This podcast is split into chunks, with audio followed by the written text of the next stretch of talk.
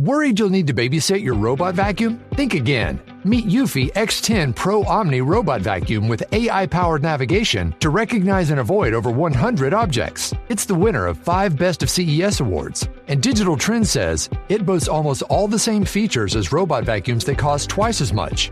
Want to know more? Go to eufy.com. That's EUFY.com and discover X10 Pro Omni, the best in class all in one robot vacuum for only $799. Say hello to a new era of mental health care. Cerebral is here to help you achieve your mental wellness goals with professional therapy and medication management support. 100% online.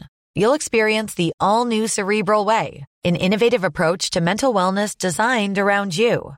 You'll get a personalized treatment plan from a therapist, prescriber, or both in a safe and judgment free space. Your cerebral therapist or prescriber will outline a customized plan with clear milestones along the way so you can get to feeling your best. With Cerebral, you're not alone in your mental health journey. We're here to empower you to live a fulfilling life. So take that first step towards a brighter future and sign up today at cerebral.com slash podcast and use code ACAST to get 15% off your first month. Offer only valid on monthly plans. Other exclusions may apply. Offer ends July 31st, 2024. See site for details. Lieve luisteraars, we zijn vroeg deze week een dagje eerder, net als Rockstar, omdat we dachten, weet je wat zij kunnen, dat kunnen wij ook. Dus hier is de 28e aflevering van de Maarten en Kees Videogame Show. Alvast heel veel plezier met luisteren. Een fijne Sinterklaas. Dankjewel, het is vandaag Sinterklaas. Het is vandaag 5 december. Ja, hij, hij, En het grootste, grootste geschenk ja, wat hij aan ons had kunnen geven is gearriveerd. is gekomen en nog wat eerder Ja. ook. Zijn paardje had haast. Ja, Eh, ja, oh, zo snel eh, Rockstar North. En hij is er. ja. Hij is er. En we gaan het er helemaal over hebben. Echt wel. Let's go!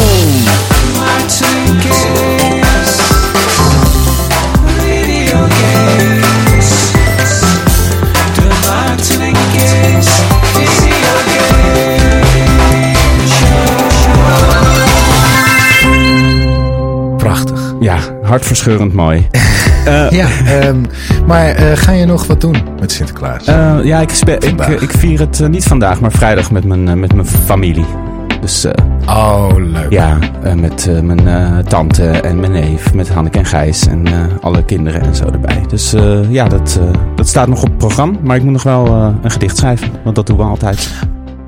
Een gedicht, geen surprise. Geen surprises, nee. Één gedicht, één cadeau. Met eh, loodjes. Oh, we. ja. En ehm, we, we, sinds een paar jaar werken we ook met verlanglijstjes. Dus eigenlijk is het vooral gewoon een gedicht schrijven. En dan gewoon hetgene kopen wat er op dat verlanglijstje staat. Want, eh, Dus jullie doen met verlanglijstjes sinds kort. Daarvoor Nou, er Was was, het een tijd. verlanglijstje? Er was een tijd dat we echt met eh, iedereen, alle vriendinnen en vrienden, en, nou geen vrienden, maar eh, eh, eh, alle, alle eh, partners, zou ik maar zeggen. En toen, ook toen wij nog jong waren. Dus dan moest bijvoorbeeld Hanneke een, een, een cadeau en een gedicht maken voor mijn vriendin die ze nog helemaal niet had ontmoet.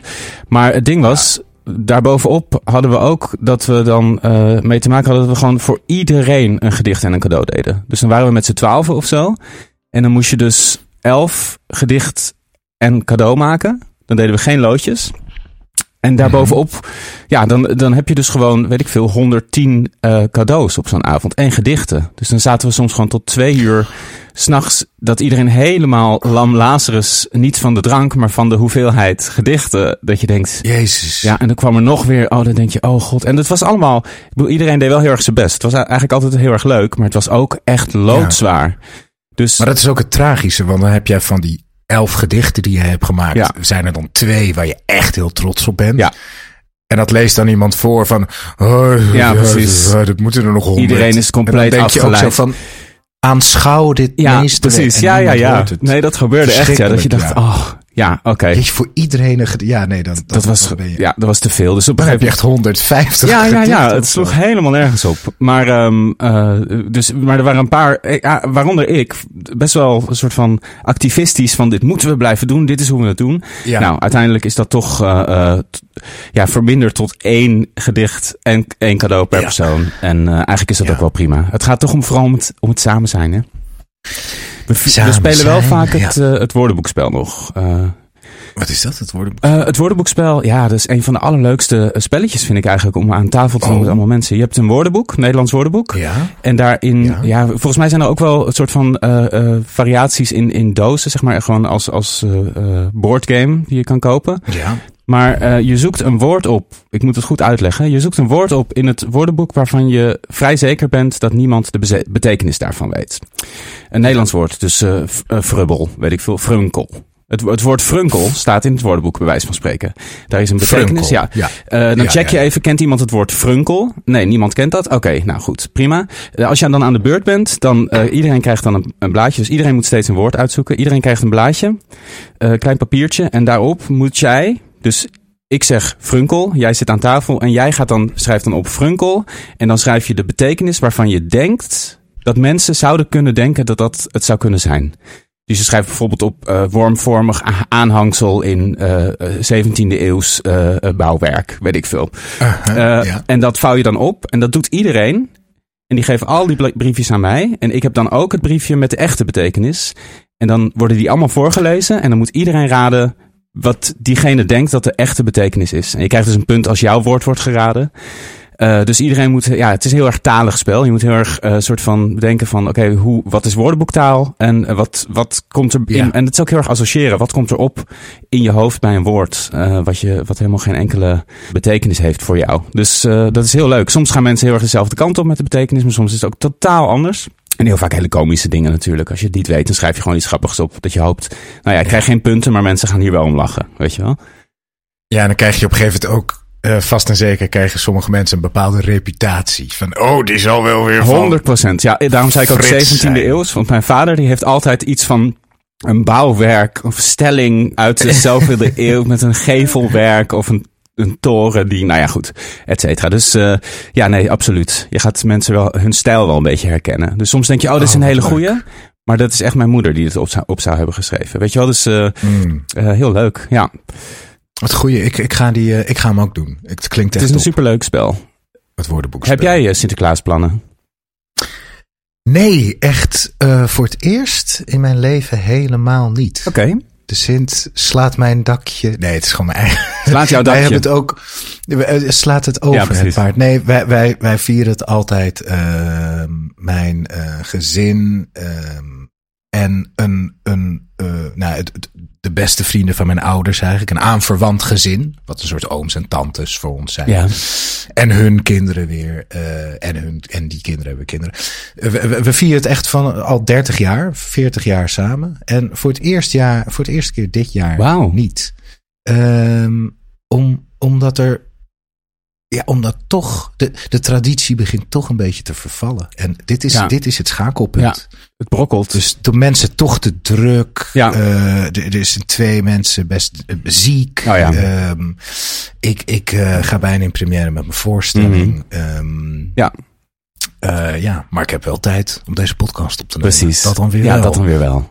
Ja. Zullen ze dan Nou met. Argus ogen? Nee, en het was ook, er zijn, er, kan- er, vroeger dachten we altijd van ja, en als wij, hè, dat dachten de kinderen, de kinderlaag dan, Ja. ja. als wij dan later kinderen hebben, dan vier het met al die kinderen. Ja. Maar het is eigenlijk heel irritant met al die kinderen. Ja, dat is best een ding. Ja. Want die geloven en dan Ja. is er weer een optocht. Ja. En dan zie je weer de, eh, al die mensen uit het dorp waar we het dan vieren, die dan Oh ja. met de hoed vegen. En, en het moet allemaal. En het is, het is stress dan, Ja. want er komt natuurlijk een heel raar iemand over de vloer. Ja.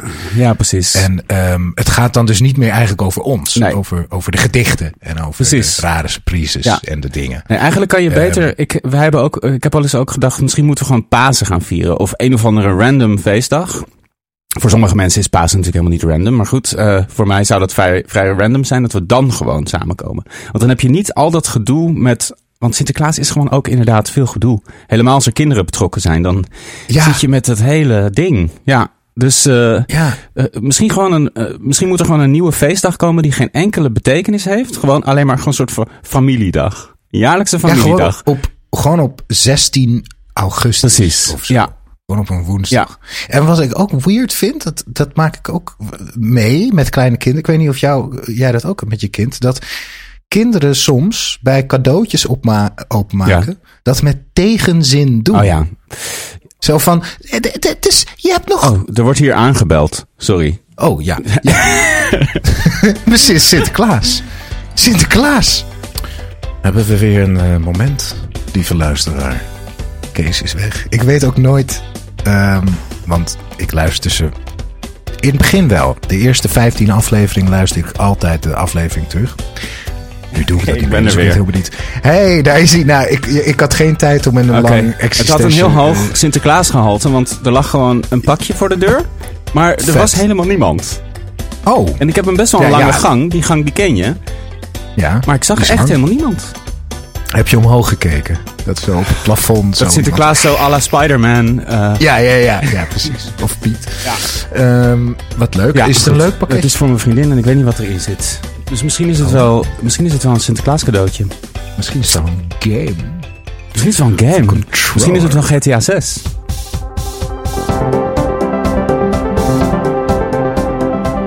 Lijkt me wel leuk om daar nu heen te gaan. Zeg maar dat zij, zij zijn daar gewoon mee bezig nu. Ja. Weet je, zij zijn gewoon elke dag, ze zijn gewoon, er wordt gewoon twaalf uur per dag gewerkt. Ja. En, en Precies. zijn nu beelds aan het. Ja. Um, ja, zullen, zullen we het er meteen over GTA 6, ja, we moeten het erover hebben. Um, we moeten het echt we over hebben. Gelukkig, want we zouden... De inleiding hebben we gelukkig kort gehouden. Uh, dus ja. we kunnen nu gewoon... Goddank. Ja, we kunnen nu... Heel veel interessante dingen kwamen daar voorbij ja. voor games. Um, kijk, we hebben hem dus. Kijk, eigenlijk officieel zou die vanmiddag. Het is nu ochtend. Hij zou eigenlijk vanmiddag om drie uur uitkomen. En dan zouden we nog even bij elkaar inchecken. Van hé, hey, en dan zouden we nog een extra naametje. Maar natuurlijk, hij is gelekt. Ja. En volgens mij op zo'n danige manier. Uh, zo'n danig. Zo'n danig, heel danig. Zo'n da ja, heel typisch danig. Daan, typisch uh, Daan. Uh, dat, dat hij uh, gewoon de rockstar zelf op, op zijn Uiteindelijk, YouTube kanaal. Ja, nou ja, hij, hij is gelekt. hij was de afgelopen dagen waren er al beelden op TikTok volgens mij gezet. Dat het gerucht was dat dat kwam van de zoon van een van de art directors van uh, uh, Rockstar. Ik ben er. Oh, wat, ja. wat een boefje. Ja. Daar zullen wel gesprekken thuis Ja, die, ga, die, krijgt wel, uh, die krijgt wel te horen van: hey, niet meer doen dit. GTA 7 ja, niet krijgt, doen. die krijgt met de roe. Die krijgt met de roe, precies. Die gaat mee ja. in de zak. dat, dus het, het hing al een beetje in de lucht. En toen is volgens mij vannacht een, is er een trailer geüpload naar, naar X, dus voorheen Twitter. Met een oh. door iets van Bitcoin GTA-leaker, uh, zoiets. En er zit ook een enorm buy Bitcoin uh, watermerk op. Dus een hele lage oh. resolutie van de trailer met het watermerk erop. Uh, oh. En toen, volgens mij, is, die, is dat meteen een uur later uh, offline gehaald. Uh, maar toen ja. heeft Rockstar daarop gereageerd door vrij zuur eigenlijk met een tweet van... De trailer leaked, so just watch it on YouTube now. Zoiets schreven ze toen op, op X. Dus... Um, Oh, dat is ook niet gezegd. Nee, ik vond het heel... Ik vond het een beetje... Nou, hier is Ja, een beetje nou, zo. Van, well, iemand, it leaked, uh, nou. so, uh, watch, you can watch it on, on YouTube now. Uh, um, hoe, hoe, ja, oh, hoorde je van... Wat, want ik had jou ge, getext toen, toen ik het zag. Was dat hoe je erachter kwam dat hij... Of wist je het Nee, al? ik vlak voordat ik naar bed ging. Ah. Gisteravond was het al. Oh ja, precies. Ja, ja. Um, uh, dus, dus, en toen ja, wa, ik, ik, uh, ja, wat vonden we ervan? Ik, ja. ik um, het, het, was, het was natuurlijk, het was eigenlijk precies wat ik had verwacht. Ja. Het is natuurlijk gewoon precies wat je verwacht. Ja. Echt exact wat je verwacht. Ook door de. Gewoon, oh ja. Ja. Uh, 2023 uh, over de top eigenlijk. Qua, ja, qua, ja, stijl. Ja veel twerkende mensen ja, op auto's. Veel een en, beetje seks uh, uh, neigende dingen. Ja, wat, wat dat viel Totaal hedonistisch. Ja. Zeg maar uh, Triangle of Sadness. mensen op boten. het, ja, gewoon het totale, wat het eigenlijk altijd is geweest. De totale schaduwkant van de American Dream zogenaamd. Precies. Um, wat het wel weer wat het, wat het wel weer verrassend voor me maakte, was dat uh, de twee hoofdrolspelers, ja. de protagonisten. En we wisten al dat het een man en een vrouw ja. zouden zijn. Lucia het, en Jason, ja. Lucia en Jason, een soort Bonnie en Clyde-achtig verhaal. Ja. Um, maar wat me daar wel uh, in verraste, was dat er echt een soort hart in leek te zitten. Vond ik ook heel erg. Ik vond ook al. Dat het erg over liefde gaat. Precies. Dit keer. Ja, en, en verbinding toch. In al die gekkigheid. Dat ze toch op zoek zijn naar verbinding. En er was ook zo'n zin van. Uh, as long as we're sticking together. Weet je wel, dat was dat heel erg in. Zo letterlijk die. In de paar ja. woorden die erin zaten. Uh, dat je het gevoel had inderdaad dat ze in alle gekte. Om, om hen heen. toch heel erg bij elkaar moesten blijven. Dus die menselijkheid, die voelde ik daar ook wel heel erg in. En ik vond het grappig, wat mij meteen opviel was... Uh, je had natuurlijk Michael als een soort van de lead in de vorige GTA, ook in die eerste trailer. Die wordt door hem soort van narrated. Dan zegt hij zo van, I thought I left this life behind. I, I, just wanted to have a normal life with a normal son. En ja. En dat voelt heel erg in die, in die game. Loopt Michael ook bij een psycholoog. En dit begon ook weer met. Uh, dus Lucia zit dan bij een. Dit is niet een psycholoog, maar wel een soort maatschappelijk werker. Of iemand die met haar gaat praten om over haar. Dat gevoelde ik heel erg. Een soort parallel van. Oh ja. Uh, ze zitten allebei op een. Mm. Michael zat op dat punt. en zij zit nu ook weer op zo'n punt dat ze een soort van. Ja misschien ergens tegen iets aanschurkt van misschien eruit kunnen komen. Of mensen die haar toch proberen te, op het goede pad te krijgen of zo. Weet je wel. Dat vond ik wel grappig. Dat daar, dat daar zo'n duidelijke parallel in zat. Van ja. Iemand die zo struggled eigenlijk met het bestaan. Ja, ook ja, daartoe is, is aangewezen. Gewoon door de het zijn best wel, uh, Het zijn best wel reflectieve personages. Ja. Wat grappig is, want je kan elk moment dat je wil iedereen neerschieten met een shotgun en auto's in de, in de zee rijden. Ja.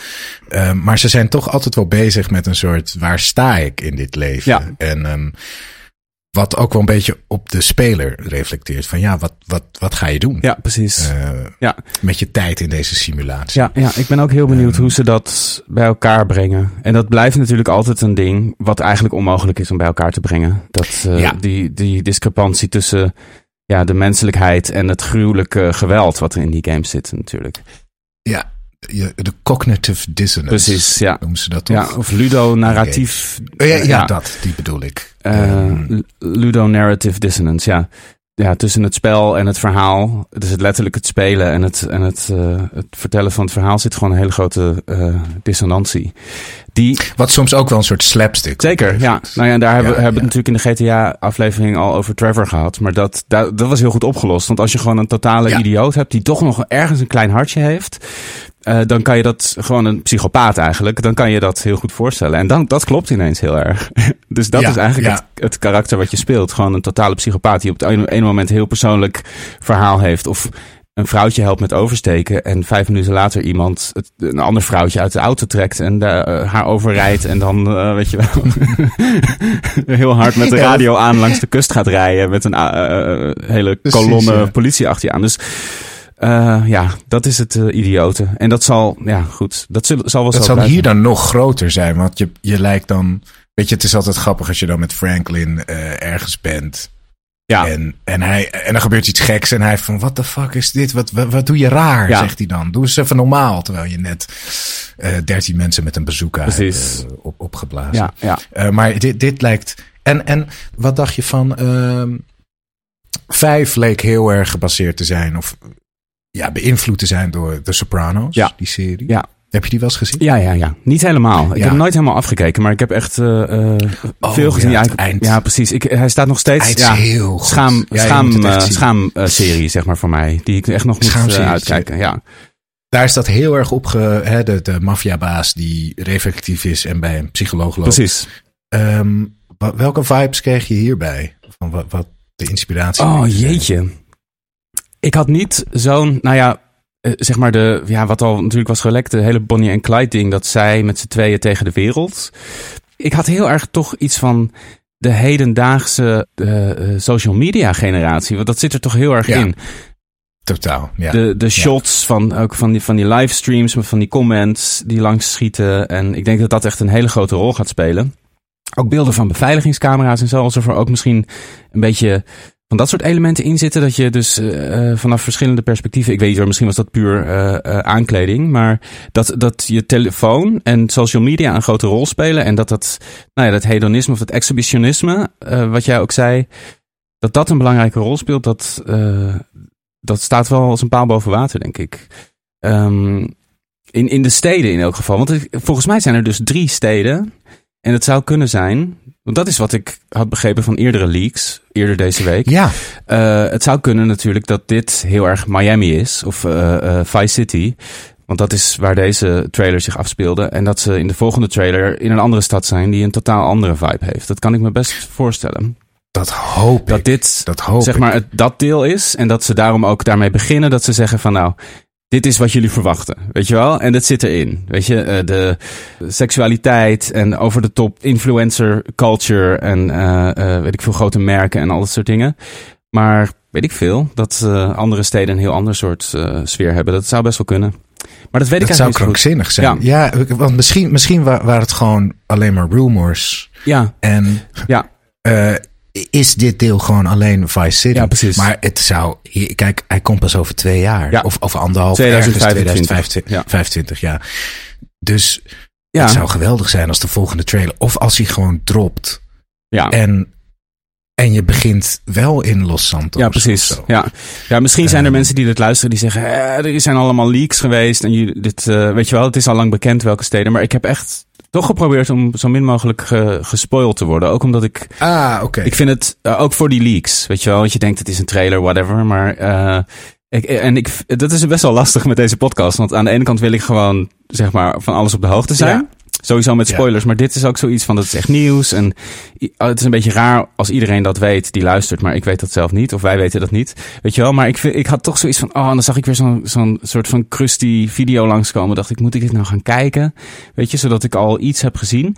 Uh, maar ik heb het toch een beetje afgehouden. En volgens mij zijn er wel al leaks ook van de, van de map. Maar, en volgens mij gaat het daar echt over meerdere steden. Maar dat kan ook zijn dat dat bullshit is. Dat... Wat was dit over de, een leak over de map? Ja, ja dat, die heb ik, dat heb ik lang zien komen. Maar goed, ik, heb er dus niet, ik ben er toen niet helemaal ingedoken, omdat ik toch mezelf. Ik wil gewoon verrast worden. Weet je? Maar was het een plaatje ja, van de map? Ja, ja, ja. En daar stonden meerdere oh. steden op. Ja. Oh, dat ga, ik, dat ga ik dan toch zonder het aan jou. Oh, nou ja, weet je, we moeten het maar gewoon omarmen. Ik wil nog wel. Uh, ik wil nog wel even iets zeggen ook over de muziek. Dat vond ik namelijk wel uh, tof. Ja, dat is ook altijd zo'n ding. Ja, want de, de trailer van GTA 5, die eerste trailer waar ik het net over had, die had dus een nummer van uh, The Small Faces uit, ik wil eind jaren 60. Uh, Octans Not Gone Flake. Bizarre titel, Mhm. geweldig nummer, heel vet. Uh, beetje Tame Impala, Flaming Lips, eigenlijk nummer avant la lettre. echt heel vet. Uh, en, Mhm. en dit, dus dat was best wel, best wel een gritty, stevig nummer. Uh, en dit, dit was heel erg ethisch. Tom Petty uh, met iets van Love is a Long Road. Ik weet even de titel niet helemaal zeker. Maar het, ik herkende zijn stem, maar ik herkende het, het nummer niet. Het is ook een B-kantje. Dat vind ik ook wel weer tof dat ze weer gaan voor iets van wat, wat niemand verwacht. Want er waren natuurlijk heel veel speculaties over welk nummer dat zou, zou zijn. En heel veel mensen dachten van... Ik zag heel vaak Blinding Lights van, van The Weeknd. Toen dacht ik echt, kom op. Denken jullie echt dat ze dat uh, onder deze trailer gaan doen? Want dat, dat is precies wat ze niet doen. Maar goed, dat vond ik wel vet. En ik moest heel erg denken aan, aan Won't Back Down ook. Dat is ook zo'n nummer van Tom Petty wat mij heeft geholpen om Ornstein en Smog te verslaan in Dark Souls. Want nadat ik dat Oh, had, je- nummer had geluisterd, heb ik ze ineens verslagen. Heel... Die, had je die op repeat staan Nee, toen? Of nee, want ik- inspireerde je Ja, die? nee, ik ging even stoppen. En ik moest even een boterham eten. En toen kwam dat langs, omdat er, er was toen volgens mij Frank Ocean of een of andere zanger had een nummer uitgebracht wat er heel erg op leek. Nou ja, goed, doet er verder niet toe. Nou ja, whatever. Eh dat was een rechtszaak toen. En Ja. eh, toen kwam dat langs in het nieuws. Toen dacht ik, oh, wat, welk nummer was dat ook weer? Toen luisterde ik dat nummer. En dat is Ringo op drums. Hele lullige clip. Waar ze allemaal zo heel lullig zo... Eh, maar dat nummer is zo van, I won't back down. Weet je wel, echt van, eh, ik, I'm gonna stand my ground. En toen, ja. de- ik heb het één keer geluisterd. Toen dacht ik, oké, ik ga spelen. En toen heb ik ze verslagen. Eh, dus ik hoorde zijn stem. En toen kwam ik meteen weer helemaal van, oh, Tom Petty. Weet je, hij heeft mij door Dark Souls heen geholpen. Ja. dus dat vond ik wel een hele grappig eh, ding. Stel je eens voor, in een, een brain fart van me, dat je eh, over een tijdje, als eh, weet ik veel, AI zo goed is en we hebben chips in, in ons hoofd, Ja, dat zo'n soundtrack voor zo'n trailer zich aanpast aan jou. ja, Dus weet dat dat voor jou een belangrijke herinnering was. Ja. En dus gewoon, er is ingeprogrammeerd, dit nummer moet je gewoon raken. ja. En dat je dan dus, boem. Dus iedereen krijgt een ander nummer te horen, wat helemaal Ja. rechtstreeks naar die, Ja, naar die hersenpan ja, gaat. ja, ja. Dat zou Dat zou prachtig en ook heel eng vinden. Omdat je dan nooit meer verrast kan worden en Ja, wordt bespeeld. Ja, Je- precies. Je, je, je mag eigenlijk niet meer gewoon kijken ja. naar En, en het is ook wat AI dus ook heel erg doet, is gewoon putten uit wat er al is. Dus dit zou ook weer zo zijn dat AI Ja. zou putten Ja. in plaats van uit iemand anders herinnering. Want deze, music supervisor, die heeft ook een reden dat hij dit heeft gekozen. Dus dat is iets uit zijn, of haar, sorry, ik zeg zijn, maar het kan natuurlijk net zo goed een vrouw mhm. zijn, uh, verleden. En dat is juist zo mooi van mens zijn, dat je elkaars ervaringen samen meeneemt. Van groot tot klein, weet je. Wij bespreken hier dingen, maar we nemen ook de muziekkeuze van deze uh, persoon mee, weet je wel. Dus, uh, en dat is het ding met AI, ook als je ChatGTP een, een opdracht geeft, dan, dan put dat alleen maar uit dingen die al lang zijn gemaakt door mensen. En die knoopt dingen gewoon samen op een handige manier. Maar het verzint verder niks. En dat, het maken van die herinnering van dat Tom Petty nummer en die Dark Souls ervaring. Ja, dat is niet, dat is een samenkomst van allerlei dingen. Van allerlei onnoembare dingen. Van, van zeg maar mijn, mijn herinneringen tot aan dat nummer, tot aan wat uh, From Software heeft gemaakt. En dat moment op die dag met die boterham, weet je wel? En dat is mens zijn, weet je wel? Dus ik vind dat ook, uh, ja, dat zou ik wel zonde vinden of zo. Ik vind het juist zo mooi dat het, ja. dat we dit nu weer meenemen en dat wij dan, dan allemaal, want er zijn mensen waarschijnlijk die nu dit nummer horen en ineens, ja, heel onverwachts. Die zo'n totaal, het is dus nummer van Tom Petty. Ja, Tom Petty, ja. Die, die zal dus nu in Spotify een huge boost krijgen. Ja. Vandaag. Absoluut, ja. Die staat in heel veel playlists in één keer, denk ik. Ja, ja, vet. Ja. vet. Ja, nee, absoluut. Het, is, het zorgt voor een soort echokamer in jezelf. Een weerspiegeling van jezelf wordt weer een verspiegeling van jezelf. Precies. Ik denk dat het heel verarmend werkt mhm. en niet verbindend eigenlijk. Precies, ja. zo zie ik het ook. Mooi gezegd. Ja, ik heb even, um, ik heb even zitten speuren. Even speuren, even op het web. Ik zie hem nu voor me. De, de, de geleakte ja rumored map. Ik weet niet precies waar die vandaan kwam, hoe, hoe het, het staat op Reddit. Uh, maar wat ik heel interessant vond bij de trailer van 5, ja. uh, dat is alweer tien jaar geleden. Toen ging iemand een map maken. Oh, um, ja. Op basis van de trailer. Dus ja, al die shots precies. bestudeerd. En het bleek een damn goede representatie te zijn van de uiteindelijke map. Ja. Je had gewoon puur door de trailer, de map eigenlijk. En misschien is dit ook wel door de trailer, dat weet ik niet. Volgens mij is het een combinatie van de trailer en uh, echte geleakte informatie. Ja. Um, ja, ik zie hem nu voor me. Uh, hij is, uh, hij is twee keer zo groot als GTA 5. En drie steden, toch? Ja, dit is dus alleen de map van... Van deze stad, van Vice City. Van Vice City. Dus Vice City heeft vier uh, dichtbevolkte gebieden, steden zou je kunnen ah, zeggen. ja. Dat zie ik voor me. Um, dus misschien is dit het wel gewoon. Want, ja. want ze zeiden de hele tijd vier steden. Ja. Uh, maar of dat dan nou ook New York en Los Santos zijn. Mm. Ja, kijk, ze zijn natuurlijk eigenlijk gek als ze al hun kruid verschieten. Je ja. kan beter deze uitbrengen. En dan over vier jaar weer de Liberty City. Ergens hoop ik dat. Van mij mag het best gewoon dat ze wat vaker GTA uitbrengen. En dat ze iets kleiner zijn. Dat lijkt me eigenlijk helemaal prima. Wil ik, vind ik eigenlijk ook wel een beter idee. Ja, maar ja, dat is natuurlijk... Het ding is, de game... Uh, um, soort van cultuur van gamers en pers is dan toch van... GTA 6 is four times smaller than GTA 5. Weet je, uh, are we going backwards? Is this the way? Weet je wel, van uh, is Rockstar shrinking? Van uh, dat, ja. daar kunnen mensen niet tegen. Dat iets kleiner wordt. Terwijl eigenlijk. Heel stom. Ja, een hele slechte ontwikkeling. Want die games kunnen niet. Ik bedoel, wat moeten ze over twintig jaar? Weet je wel? Hoe groot moeten die games de wereld? ja, precies.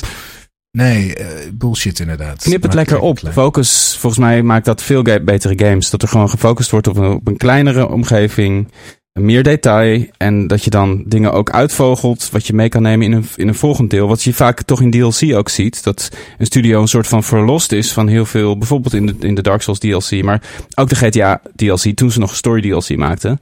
Dat er toch een soort van uh, lode last van zo'n studio afvalt als ze de DLC mogen maken. Want dan hebben ze alle tools. Ze hebben de omgevingen vaak al, eh, characters en allemaal al vormgegeven. En dan kunnen ze gewoon echt gaan maken. Puur en alleen creatief bezig zijn in plaats van het uitvogelen van allerlei, allerlei zaken.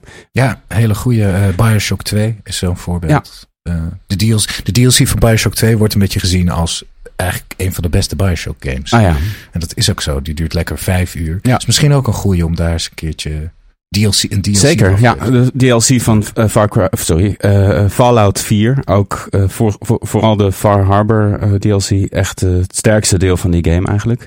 Nee, het is, en, en, sowieso veel Bethesda games hebben goede DLC. Dus dat lijkt me best wel goed eigenlijk, dat het iets meer daar naartoe gaat. Dus het hoeft niet helemaal episodisch, maar wel gewoon dat je zegt, oké, okay, een game mag ook best gewoon 40 uur zijn in plaats van 100. En dan verdeeld over drie verschillende delen over een tijdspannen van zes jaar, weet je wel.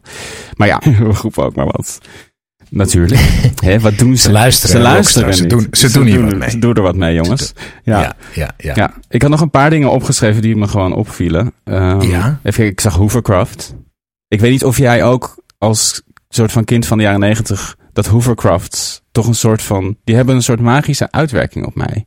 Als kind was ik een ehm, soort van obsessed met Hoovercraft. Is een Hoovercraft ja? Ja, dat is zo'n soort boot met zo'n uh, met zo'n op, opgeblazen onderkant. Met zo'n soort grote uh, ballon aan de onderkant. Zodat je zeg maar over het water kan. Maar dan kan je ook gewoon in één keer op het strand.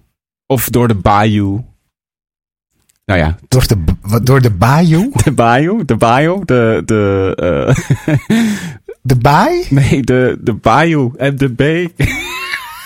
wat is de bayou? Een bayou is een soort swamp. Ik weet echt niet wat het is. Een soort swamp. Een? soort moerasachtig gebied. Dat heet een bayou? De bayou, ja. B-A-O-U-Y. Ja.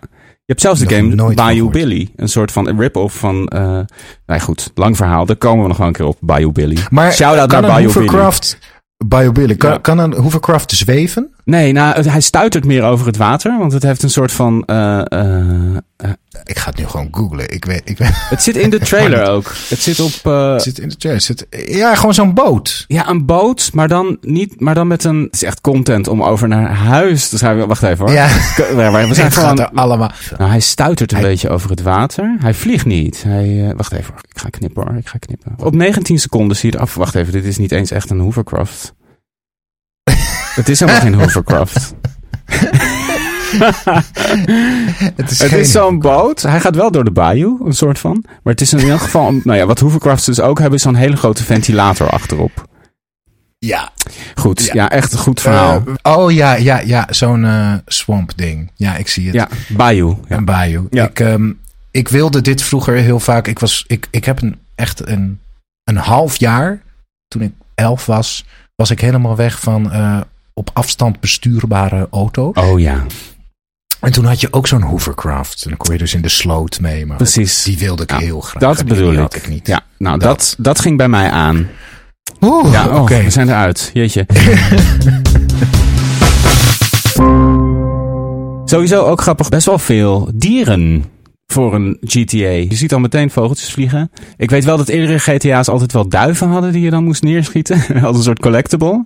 Ja, dit is gewoon de Red Dead uh, 2 uh, Precies. invloed. Want je ziet al meteen op 10 seconden al dolfijnen. Wauw, ja, uh, dat in is de baai. En dan zie je al zeemeeuwen of weet ik veel, grote, grote zeevogels.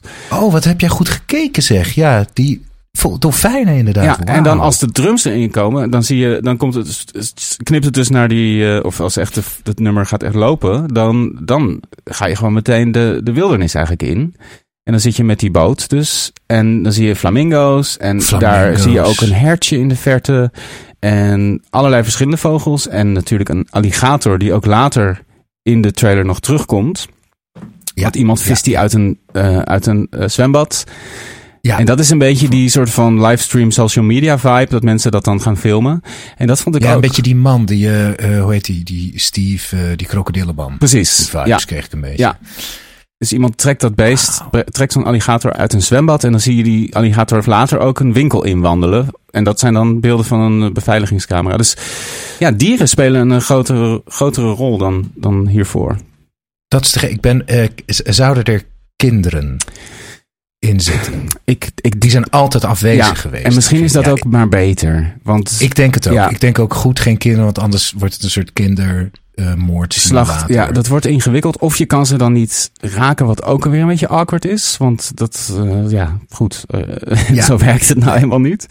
Maar alle dieren kan je dus afknallen. Ja. Um, wat mij ook nog opviel op um, seconde 37 ja. zien wij een uh, schaars geklede vrouw. Ja, ja, ja, ja. En dat is natuurlijk altijd prettig. Maar wat me vooral opviel was haar haarphysics oh, zijn waanzinnig. Oh ja, ja, ja, ja. Check die haarphysics. Ja, dat is crazy. Ja. Dat is niet normaal. Dat zijn, dat zijn de beste haarphysics die ik ooit heb gezien. Ja, zeker. Ja, dit is heel impressive. Inderdaad. Ja, ik was een beetje afgeleid. Ja. Dat voor een open world game. Ja, dat is, uh, belooft al wat. Is toch wel heel bijzonder, ja. Ja, en sowieso de soort van nou ja, de karakters zien er allemaal zo. Uh, het, dat vergeet je eigenlijk hoe vanzelfsprekend het is. Al meteen dat iedereen een unieke persoon is. Of zo. Het is geen generiek. Nee, absoluut niet. Ook qua, qua lichaamsvormen. En mensen zijn dik of heel dun. Of heel gespierd of juist niet. Er is ook bijvoorbeeld een oude vrouw. Want oude mensen in games zijn ook vaak problematisch. Maar dat, dat hebben ze in, in Red Dead ook heel goed gedaan. 57 seconden heb je zo'n soort live stream beeld van een oude vrouw met twee hamers in de hand in een soort lange pyjama rope. Heel goed. Ja. Ziet er ook gewoon levensecht uit. Dat is ook wel weer ja, ook, echt fantastisch uit. Ja. Het, is, het valt me nu eigenlijk pas op hoe goed het eruit ziet. Dat is een van mijn lievelingsmomenten in de trailer. Daar moest ik heel erg om lachen. Daarna, dus je hebt 57 seconden, heb je die oude vrouw die zegt, look who's back. En dan heb je even een stop in de, in de muziek. En dan springt er iemand in de lucht, een soort van heel Billy op een feest. Die dan iets met een soort wrestling move kapot uh, slaat met zijn elleboog. Ja. En dat valt dan precies op een drumklap. Het is zo oh, lullig lekker. en zo goed. Ja, wat goed gedaan. Ken jij de film, um, uh, ook, ook voor de luisteraar een leuke tip, Gummo? Nee, Gummo? Gummo, dat is een film van... Um, met een G? Ja, G-U-M-M-O. Mm Het is een hele bijzondere uh, film door... Oh goed, hoe heet die knakker nou? Hij, hij heeft dus... Gummo is een film... Um, waarbij de helft van de acteurs, of ja, de, de, de rollen door acteurs worden gespeeld. En de andere helft door echt white trash mensen. Het is in zo'n milieu. En er mhm. zit, waarom ik het zeg, er zit een, een waanzinnige scène. Je kan die scène ook eigenlijk wel even los zien op YouTube. Waarin een man in zo'n trailerpark uh, gaat worstelen met een stoel. okay. Want die mensen vervelen zich gewoon. Die zitten dan in zo'n trailer alleen maar bier te drinken. En die zitten een beetje te armpje te drukken. En te wedden, weet je wel, met geld, wie wint. En op een gegeven moment verliest die man van een dwerg. Oh ja. Uh, armpje drukken. En dan wordt hij zo kwaad dat hij met een stoel begint te worstelen. En die stoel waar hij op zit, helemaal de tyfus in beeld. en dat is, is gewoon een hele bijzondere vechtscène. Dat iemand een stoel helemaal kapot maakt. Klinkt goed. Ja, dus ga dat even kijken, dames en ja. Um, ja, het ziet er, het is, het is unbelievable. Ik vraag me ook af voor deze beelden. Is dit allemaal puur in-game engine? Ja, dat is, altijd de vraag. Nou ja, kijk, dat is natuurlijk ook een beetje uh, verneukeratief. want die computers die zij gebruiken en die, die renders die zij kunnen maken, dat is natuurlijk techniek die niet huistuin en keuken is, zeg maar. Dus ze kunnen natuurlijk zeggen, dit is in-game en in-engine. Ja. Maar dan draait het op een computer van 25.000 euro, weet je wel. Uh, dus dat is een beetje het ding. Maar het zit ook in de art direction. En dat is uiteindelijk natuurlijk nog belangrijker. Want dat maakt het eigenlijk. Weet je wel, als dit... Kijk, het is natuurlijk qua fidelity uh, heel indrukwekkend. Maar het is eigenlijk wat, Waar het echt om draait is de art direction en de, de kleurkeuze. En hoe die karakters uit hun ogen kijken. En hoe hun haar zit. En wat hun kleding uitstraalt. En hoe het licht valt, weet je wel. Uh, dat, ja, die, licht is waanzinnig ja, inderdaad. Die keuzes, dat is toch ja, waar het... Uh, waar het uiteindelijk om draait. En dan kan een game. Daarom ook. Nou ja, goed, ik zag dus even nog. Ik ging even die GTA 5 trailer kijken. Grappig, die ben ik nu ook aan het kijken, ja. Ook al zie je echt duidelijk dat het qua fidelity veel minder hi-fi is, zeg maar. Uh, het is gewoon 12 jaar geleden. Maar je ziet nog steeds die art direction. Die staat gewoon nog steeds helemaal overeind. Weet je, dat is, staat nog steeds als een paal boven water. Van dit, is, dit zijn mensen die weten hoe je iets er realistisch en meeslepend uit kan laten zien. En dat heeft deze trailer ook. Ja, het is gewoon heel meeslepend. Zo knap. Ja, het is, en zo, lijkt me wel uh, ja. de hel om daar te werken. Ja, ik denk dat dat, uh, dat, dat inderdaad lood en loodzwaar is. En dat er ook... Loodzwaar. Zijn nu crunch dan aan... Ze zijn, zitten nu in crunch, denk ik. Ja, nou, jaar. ik weet niet als, of ze zo lang gaan crunchen. Dat hoop ik niet voor ze, want dat hou je niet zo lang vol. Want echte crunch, uh, dan...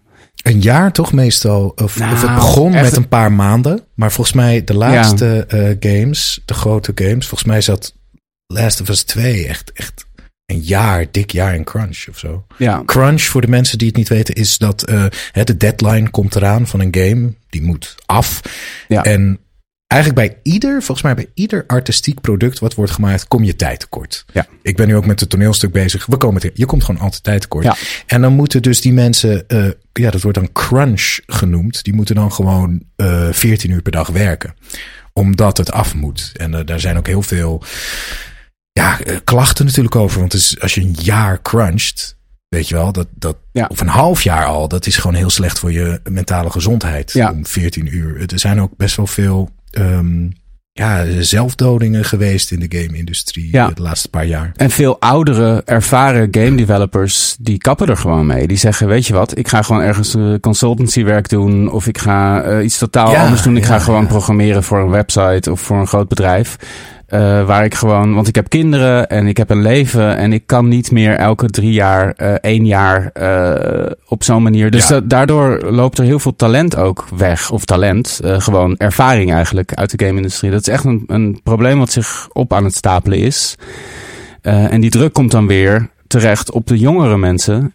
Dus het is echt een, een slechte Mm. zaak. Ik hoop dat ze dat bij, bij Rockstar iets beter doen. Volgens mij was het bij Red Dead Redemption 2 ook een groot probleem. Uh, Ja. En, de, en dan Ja. is het zelfs nog niet eens de, de mensen die echt uh, de game letterlijk maken. Maar het is ook heel vaak heel veel druk op de QA-afdeling. Dat zijn zeg maar de quality testers. Gewoon de, letterlijk de testers van de game. Dat zijn mensen die hebben gestudeerd. Want dat is een beetje de soort van de eerste stap op de, op de ladder in de game-industrie vaak, vaak. Omdat ze veel testers nodig hebben die wel veel kennis hebben. Dus dat zijn vaak mensen die soms gewoon een hele dag alleen maar in en uit één auto moeten stappen. Om te kijken of er iets Ja. raars gebeurt. Ja. En dan moet je toch oog voor hebben om te kijken. Oh, wacht eens even. Als ik dit doe, dan zie ik daar eigenlijk in de achtergrond iets gebeuren. Weet je wel? Dus uh, dat moet met zorg gebeuren. En dat is waar de, waar de game ook. En dat is iets wat ook vaak heel erg in de laatste fase pas gebeurt. Want dan komen al die dingen samen. En dan pas kan je echt gaan testen. Net als, ja, je kan pas een doorloop van een voorstelling doen. Als je een voorstelling hebt. Weet je wel? Ja, Ehm, ja, ja. Dus nou ja, dat, daar komt die druk op te liggen. Dus dat is echt een, een probleem wat nu zich aan het opstapelen is. En ik ben heel benieuwd hoe dat er over uh, 10, 15 jaar uitziet. Hoe, ja, hoe groot die games nog kunnen zijn door dit probleem. Het gebrek aan ervaring, omdat oudere developers denken... hallo, ik ben er klaar mee met dit ge. En de druk op de jongere generatie die misschien ook hetzelfde hebben. Dus um, we mogen dankbaar zijn dat we nu die enorme games hebben. Maar het is wel echt een probleem. Ja, ja. Ik vond het wel mooi bij uh, de laatste twee God of Wars. Dat, uh, dat zijn er twee. En deel 2, rek naar ruk, schijnt de laatste. Ik heb hem nog niet uitgespeeld, maar volgens mij is het gewoon een tweeluik. Mm -hmm. En Sony wilde natuurlijk een trilogie. Want natuurlijk, je wil een trilogie ervan maken Ja. qua geld. Maar die game director, die uh, Cory Balrog, Ja. heeft, um, die heeft gewoon gezegd... ja, ik ben met één game vijf jaar bezig. Dus ik ben nu met deze twee, de tweeluik... dit is tien jaar van mijn leven. Ik heb een kind. Ja. En als ik nog een derde deel moet maken, mis ik 15 jaar Ja. van zijn leven. Dus dat is de reden dat het een tweeluik is. Ja. Gewoon die director die zegt, en Sony had zoveel vertrouwen in hem. Dus dat vind ik dan weer een lichtpuntje, dat dat soort dingen kunnen gebeuren. Vind, ik- vind ik heel mooi. Zeker. dat, eh, ja, het kan gewoon gebeuren. Ja, ja, mensen worden toch gewoon. Soms moet je gewoon kiezen voor, voor jezelf. En, eh, Ja, eh, absoluut. En, en, die, en games leunen toch ook vaak. eh, het leunt op een enorme hoeveelheid mensen. Maar je hebt toch die centrale figuren nodig. Zoals zo'n Cory Balrog inderdaad voor, voor deze serie. Om het over de finishlijn te trekken. En om, om knopen door te hakken. En om, om Ja. creatieve keuzes te maken die eh, echt het hele proces eh, een bepaalde kant op sturen. Dat kan je niet met, met een studio van 1500 man samen beslissen. Dat moet eigenlijk gewoon één of twee iemand. eh, eh, dat ligt op die schouders van die mensen. Dus eh, Ja. heel sterk om, om die keuze te kunnen maken. Ja. Ja, Goed. ja, het is toch- oh, ja. ja. Maar ja. Ja, GT, GTA 6. Ja. Dat is goed. Zullen we, zullen we... Ja. soeperieperoempoe- Laten we door. Ik vond het wel grappig. Nee, ik ga het toch even vertellen nog over de Ja, trailer. Want dat is ook zo'n ding van waar was je toen die trailer uitkwam? Ik was, ik zat, want ik wist dus niet. Ik, zat, ik dacht van hij komt vanmiddag. En ik zat aan de ontbijttafel met vrouw of vriendin en, en kind. Een, een boodschapje te eten. En toen eh, keek ik even op mijn telefoon naar het nieuws. En toen zag ik dus dat hij al gedropt was. En toen, ik heb, eh, ik heb niet alleen een lange gang, maar ook een vrij lange woonkamer. Je komt hier wel eens. Dus ik heb, ik heb een woonkamer waar je echt kan rennen. En dan zo mhm. kan glijden op je sokken. Weet je wel? dat deed je. Dat deed ik echt letterlijk van, hij is er, weet je. Ik voelde me echt weer gewoon jochie van acht. Uh, en ik sprintte naar mijn pc om aan te zetten. En ik zei tegen Nella, mijn dochter, van... Oké, je mag even kijken, maar je moet echt stil zijn. Want dit is heel belangrijk voor mij. en toen gingen we die trailer kijken. Oh, wauw. Ja. En wat, wat vindt zij daar dan? Dat weet zij dus... Oh, papa vindt het heel bijzonder. Ja, dan kijkt ze gewoon... Ze, ja, dus het, uh, ja, nee. Uh, ze, ik, ik heb hem twee keer gekeken. Uh, en toen zei ze daarna... Mag ik nu weer praten? Oh. ja. uh, toen zei ik, ja, je mag weer praten. Oh. En, maar dan denk je niet, oeh, mijn kindje van drie nee. en een GTA-trailer. Nee, nou ja, eh, er zat sowieso geen geweld in. Maar zij, ook omdat zij nog maar drie jaar is, de, zij ziet nog niet de, het lelijke. Uh, wat er is. Zij begrijpt het nog niet op dat niveau. Dus ze kan best wel veel hebben. Ze vindt dingen ook nog niet echt eng, omdat nog niet. Dat is nog niet begrijpt. Het concept begint nu een beetje te komen, maar op die manier iets eng vinden of spannend of overweldigend of uh, dat ze er gewelddadig van wordt, dat, dat is op haar leeftijd nog niet echt een ding. Dus uh, ik, hou, ik ga niet met haar, uh, weet ik veel, die Exorcist kijken, zeg maar. Maar deze trailer dacht ik van, ach, misschien zit er een pistool en wordt er iemand neergeschoten, maar dat kan ze wel hebben. Dus ja. ja. ja, ik had, dit doet me denken aan een, ik had een licht klein conflictje afgelopen week uh, met een familielid. Uh, namelijk, die wil een Switch kopen ja. voor haar drie kinderen. En die vroeg dan aan mij advies. Hé, hey, maar wat moet ik op letten als ik Switch koop? Nou, ik mhm. voel me dan meteen, meteen helemaal aangesproken natuurlijk. En um, uh, dus ik zei, oké, okay, dit, uh, bla bla bla. Het maakt niet echt uit of je de OLED of de... Uh, maakt eigenlijk niet uit, nee. weet je wel. Voor je drie kinderen van uh, 9, 6 en 4. Oké. Okay. Drie jongetjes. Dus ik zei, nou, als je dan twee leuke spelletjes erbij neem. Super Mario Wonder of New Super Mario Brothers. Mm -hmm. Dus met z'n vieren. Dat is leuk. En voor het, voor het, voor het diepgaande avontuur uh, krijgen ze van mij Breath of the Wild ja. erbij. Mooi. Heel mooi. Ja, dat lijkt me een goede combo, ook voor die leeftijd en zo. Maar toen uh, zei mijn zus, het ging over mijn zus, die zei van, ja, nee, maar dat, ik heb dat Zelda opgezocht, dat is voor 12 jaar en ouder, dat wil ik niet. Oh, ja. Want ze zijn 9, 6 en 4. En toen dacht ik van, ja, maar, ja, dat snap maar, maar geloof mij nou maar, ja. Breath of the Wild is echt voor een kind voor 4, 6. Het is echt, ja het zal misschien af en toe even eng zijn, maar het is mhm. niet enger dan een gemiddelde Disney-film. Het is heel erg um, goed bedoeld allemaal. En dan is zo'n leeftijd heel erg. En dan voel ik mij dus heel erg ongezien als, ja. um, als gamekenner. Ja. Um, ja, precies. Nee, dus, dat is, uh, ik ben het helemaal met je ja, Nou, als je dit hoort, uh, Kees, kan toch? Breath of the Wild? Kan, absoluut. En, Absoluut. En het ding is met kinderen en waar ze bang voor worden, dat is ook een beetje een soort loterij. Je weet het niet. Er zijn, Een vriendje van mij was heel bang geworden van een uh, uh, tekenfilm van Pinocchio. Omdat zijn neus ineens ging groeien. Weet je wel? Ja, dat is ook groot. doodeng. Body en, nou ja, waar, waar we het over hadden. Ik ben dus altijd al bang geweest voor E.T omdat ik dat als uh, jongetje. En IT e is volgens mij 6 plus. Ik heb net even opgezocht voor de zekerheid. Dus uh, weet je, je kan best 8 zijn en ook bang worden van IT. E dus die leeftijden, je moet ook gewoon. Wat het belangrijkste is eigenlijk bij dit soort dingen. Je moet er gewoon bij zitten. Je moet er gewoon naast zitten als ze gaan spelen. Zoveel mogelijk. Uh, zodat je gewoon het samen doet en zegt. En als ze dan denken, oh, ik vind het spannend, dan kun je zeggen, oké, okay, dan lopen we de andere kant op, weet je wel. Of je kan ja. zeggen, oh joh, dit is niet spannend. Kijk, ik neem het even over en ik laat het even zien. Um, dat je het ehm, even weet. Ja, ja en ik denk zelfs nog dat um, ik heb wel eens een, uh, een heel heftig potje Mario Kart met allemaal mensen onder de tien meegemaakt. Dat werd echt gewoon een groot conflict. Ja. Met echt woorden die eruit kwamen. Ja. Ik dacht, wauw. Ja. Kinders, kinders. Hela. Dus ik denk eigenlijk dat, dat een Zelda veel rustgevender, veel Zeker. Um, ja, veel mooier is dan, dan misschien het competitieve aspect van een Mario of een Mario Kart. Ja. Um, en dat je dan ook zegt, kijk, die van vier, die kan natuurlijk niet eens een controller vasthouden. Dus voor meekijken is ook heel leuk. Absoluut. Je, je, kan, je kan samen door die wereld van Breath of the Wild navigeren heel erg. Zeker. Dus um, nee, het is echt een hele, hele geschikte game. Juist voor inderdaad al die leeftijden. Ja, want je kan het ook op, zo op je eigen tempo doen. Ja, totaal. Je kan gewoon rondwandelen en um, ja, je kan alleen al gewoon een hele middag in een boom klimmen, volgens mij. Als je, uh, ja. weet je wel, de, ja. en alle appels verzamelen in een gebied. Ja.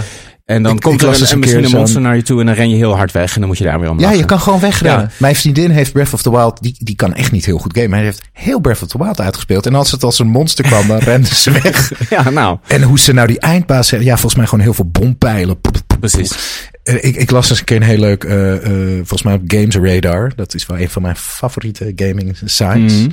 Um, leuk artikeltje van een redacteur. Die had dan zijn kind een Switch gegeven met Breath of the Wild. En uh, die, die speelde dat dan af en toe. Kind van zeven, volgens mij. En, um, en daar hadden ze het er dan af en toe over. En dan kwam hij weer naar hem, hem toe van... Oh ja, ja, ik heb nu dit. Ik zit uh, in een bos en ik heb dit gedaan. Oh, leuk, leuk. En dat ging een maand zo door. Ja. En na een maand zei dat kind... Ja, ik heb nu uh, van die oude man dat vliegzuil gekregen. toen dacht hij, hè? Hè? Jij bent al die tijd ja. gewoon op de Great Plateau. Dan liep hij gewoon. Ja op de Great Plateau. Precies, ja. Dat, dat, dat, is, ja, dat is zo fijn dat dat de wereld is. Dat heb je toch ja. bij weinig games. Dat het puur er zijn ja. al de, de ervaring is. Zeker. Of zo. Ja, ja, ja, nee, dat doen ze heel knap. En uh, ja. alleen daarom is het al gewoon een aanrader voor oh, alle leeftijden. Um, ja. Ik begrijp het 12 plus wel, weet je. Maar, ik begrijp uh, ook wel de angst. Je, je moet ergens de lijn trekken. En er zit natuurlijk ook eh, wat geweld in en wat enge momenten. Maar goed, uh, nou ja, het is aan iedereen. Het is een ouder, elke ouder mag het natuurlijk totaal zelf bepalen. Ja. Maar ik zou zeggen, weet je, gewoon, gewoon doen. Onze Doe. zegen heb je. Yes. Nou, je hoort het, Lau.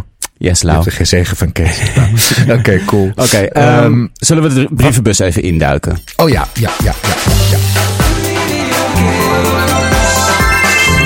Ik ga even de brief van Sil. Uh, Sil zegt, beste Maarten en Kees, uh, als eerste bedankt voor de geweldige podcast. Jullie zijn mijn go-to podcast voor als ik naar werk fiets. Kijk, dat vind ik gezellig nieuws. Uh, gelukkig is mijn werk dichtbij, dus kan ik jullie podcast over de hele week verdelen.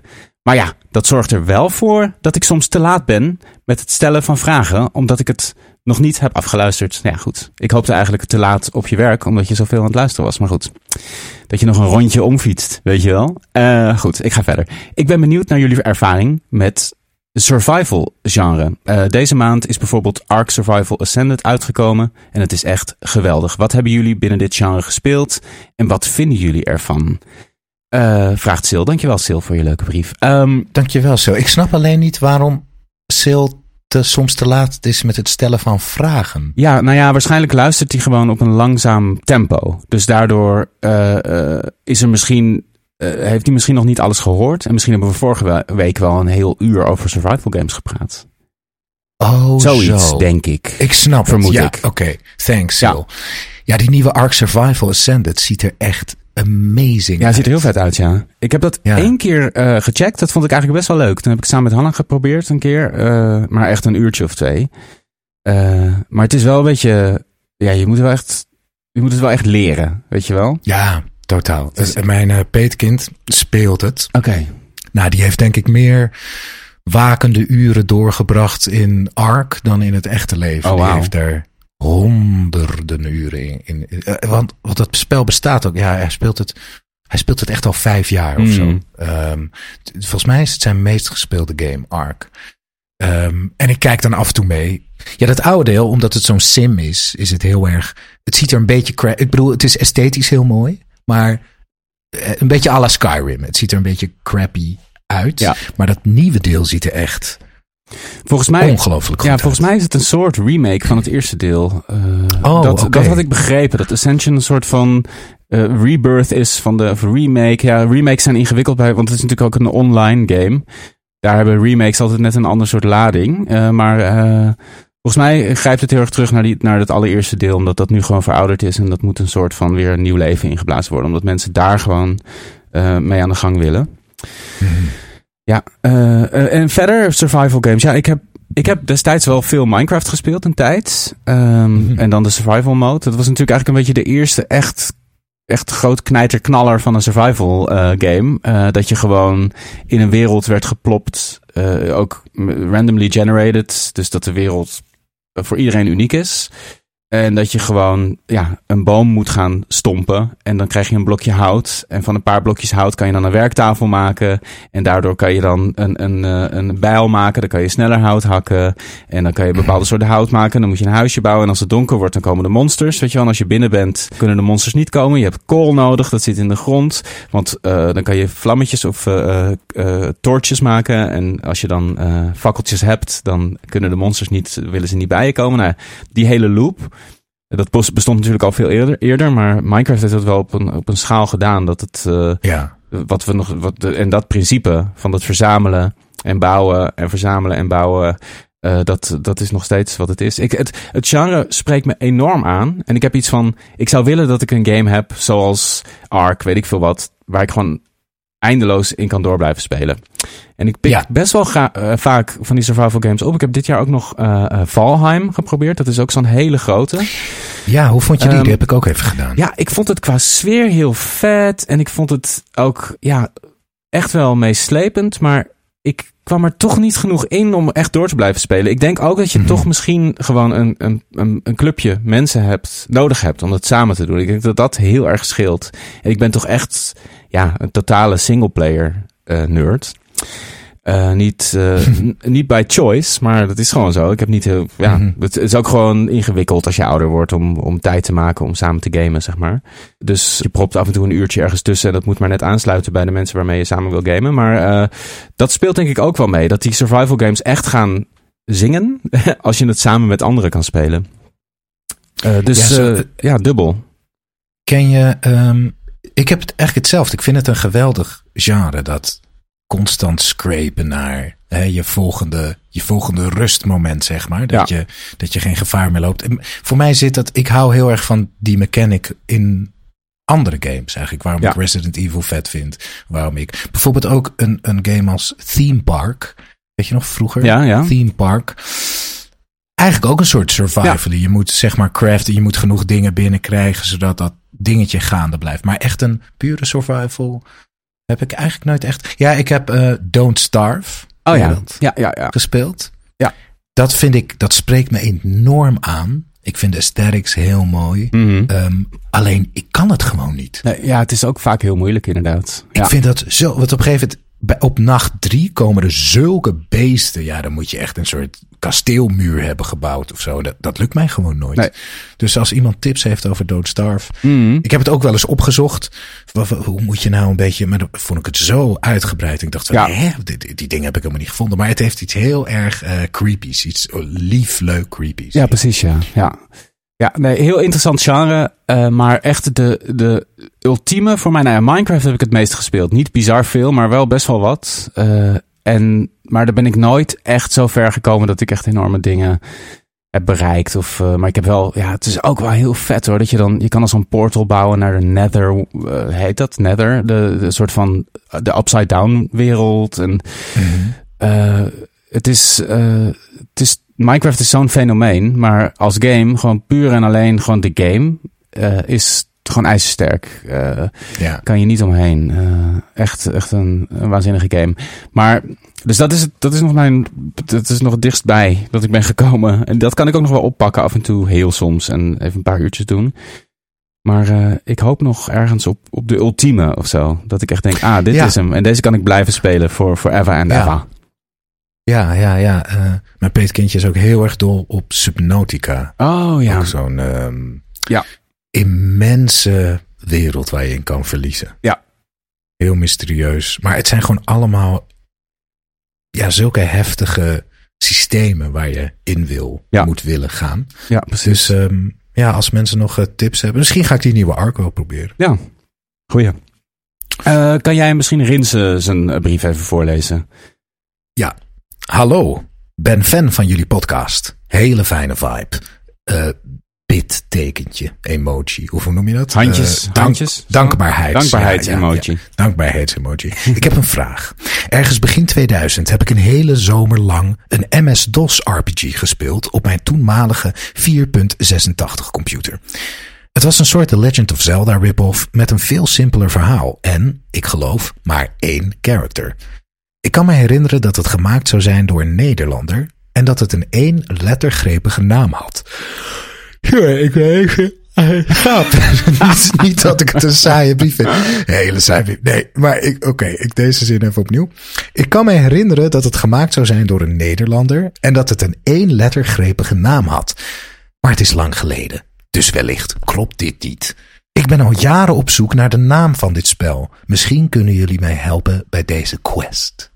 Hmm. Ja, ik... Zegt het jou iets? Nee, helemaal niks. Maar ik dacht uh, misschien dat de community dit weet. Dus misschien is er iemand in onze community die uh, kan helpen met, met deze vraag. Maar ja, jeetje. Ja, en, want ja, een Legend of Zelda rip-off...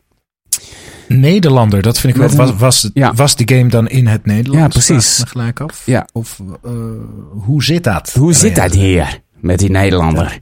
Renze, hoe zit dat? Renze, Renze. Ja. Hoe zit dat nou? Uh, Eén character lijkt me ook. Dus jezelf. Eén character, ja. Dus, maar wel vijanden neem ik aan. Uh, ja. en, maar dat is in Zelda heb je ook één character. Uh, maar misschien geen NPC's waarmee je kan praten of zo. En, en één lettergrepige naam. Ja, nee. goed, ik dacht, weet je, who knows? Misschien is er iemand die luistert die ene persoon, misschien de maker van deze game, who knows, weet je wel? Dat zou wel echt heel gaaf zijn als deze Nederlandse designer ja. hiernaar luistert. Ja. De 486, dat was een... Ja, dat was een, oude, oude computer. Commodore? Was dat een Commodore? Nee. Commodore 486? Oh, nu moeten we oppassen hoor. Nu moeten we oppassen. Want, uh, ja, krijgen we dingen uh, achter ons aan. Ja. Oh, 486 is een processor. Een Intel processor. Ah, volgens mij. Okay. Microprocessor. Uh, ja. ja. Ja, echt uit zo'n van die. Ik zie allemaal van die oude, mooie oude, van die torens, weet je wel, van die grijs-gele computertorens met zo'n floppy drive. Oh, ik word helemaal nostalgisch. Als... Nee, nou goed, we, we, we hebben het uh, in de ether gegooid en who knows, misschien kan iemand ja. uh, Rinse uit de brand helpen die al jaren met deze vragen ontloopt.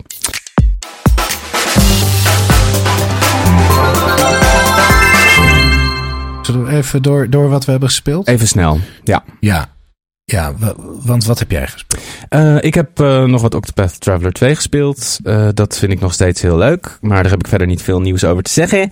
Ik heb, mm. ben een game begonnen die op Game Pass verscheen als verrassing. Remnant 2. Remnant 2 is het vervolg van Remnant 1.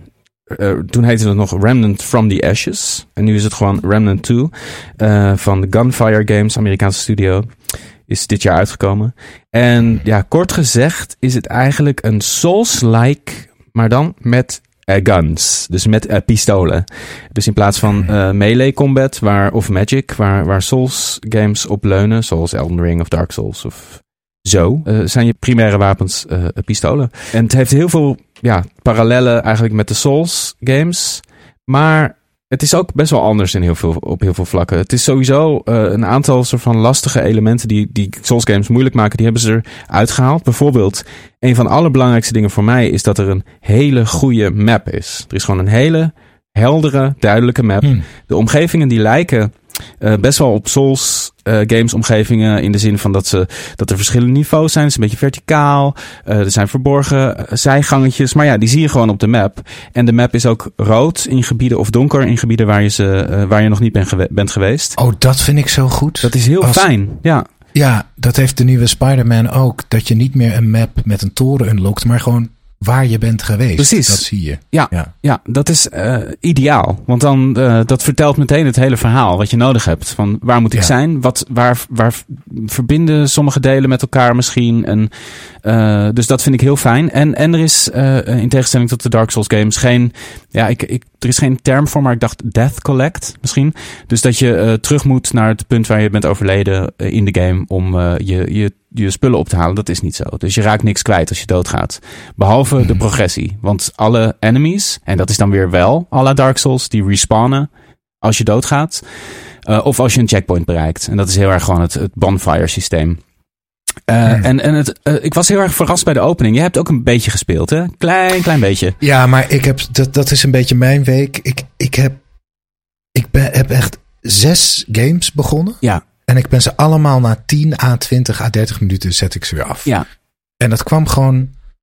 Dat vond ik wel fascinerend. Ik denk dat veel mensen dat hebben. Ik heb dat vaak ook met Netflix of eh, streaming.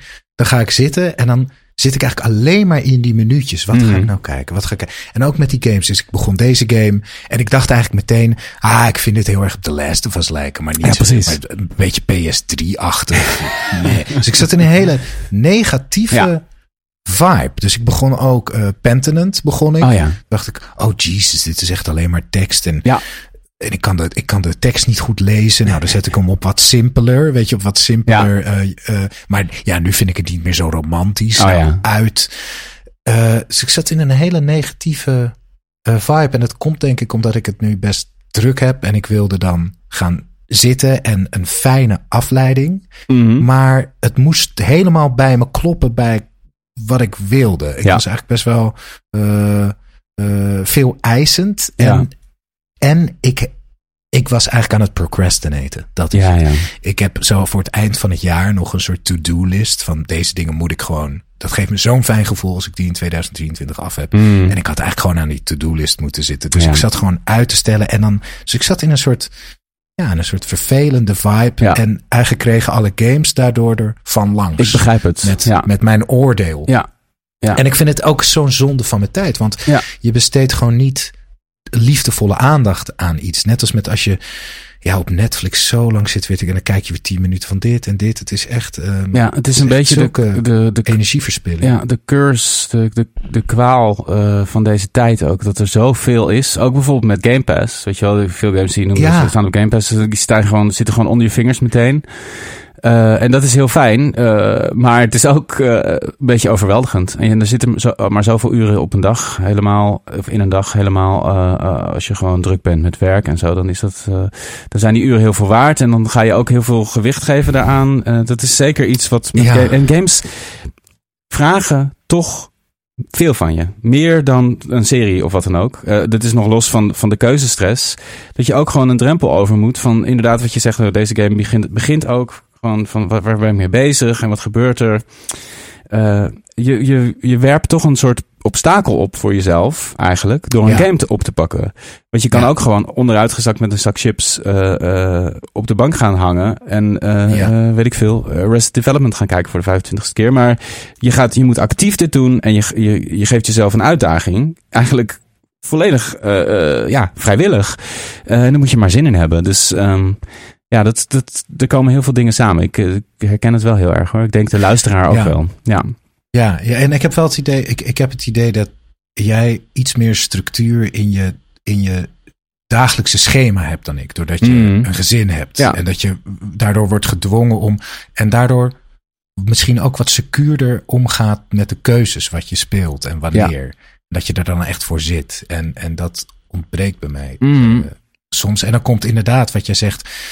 De totale. We dachten dat eh, veel keuzemogelijkheden. eh, dat het ons zou verrijken als mensen. En dat doet het natuurlijk ergens ook wel.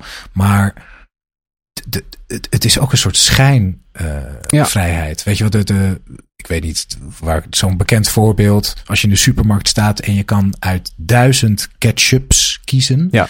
Of uit drie. Wanneer ben je een vrijer mens? Je Ja. bent eigenlijk een, die keuze. eh, ja, dan moet je al die labels lezen, want je wil wel de beste dan Ja. en zo. Je, bent, je wordt eigenlijk een soort gevangene. Ja, ja. En dat, dat zit in elke entertainmentvorm. En daardoor, nou ja, dat voorbeeld wat ik gaf in eh, afleveringen terug, dat ik Asterix en Obelix kreeg op de Mega Drive. Mhm. En dacht, nee! En Ja. ja. toch die tijd daarin heb gestoken. En dat is toch een hele waardevolle herinnering voor Ja. me nu. Omdat ik het gewoon, je, je doet het gewoon met wat je hebt. ja, precies. En nu moet je constant je afvragen of dit dan het juiste voor je is. Ja. Eh, het is gewoon too much. Ja, het is, dat is het. Het is te veel. Er is, eh, en de, de, de, ook het, de, het constante gevoel van ja, een soort FOMO. Weet je wel, dat je weet, Ja. ik kan niet al het Ja. goede ooit zien. En, en, en daarnaast ook de, de totale output de hele tijd op social media van dit is vet en dit is vet en dit is vet. Dus aan de ene kant is er veel te veel om te checken. En aan de andere, andere kant is er heel veel eh, eh, aandacht voor elke vorm van entertainment. Zelfs obscure dingen worden gewoon, die kom je voortdurend tegen. Weet je wel, van dit moet je horen, dit moet je lezen, dit moet je spelen. Uh, het is allemaal beschikbaar. Maar ja, er zijn maar zoveel uren in een dag. En uh, het moet ook leuk blijven, weet je wel?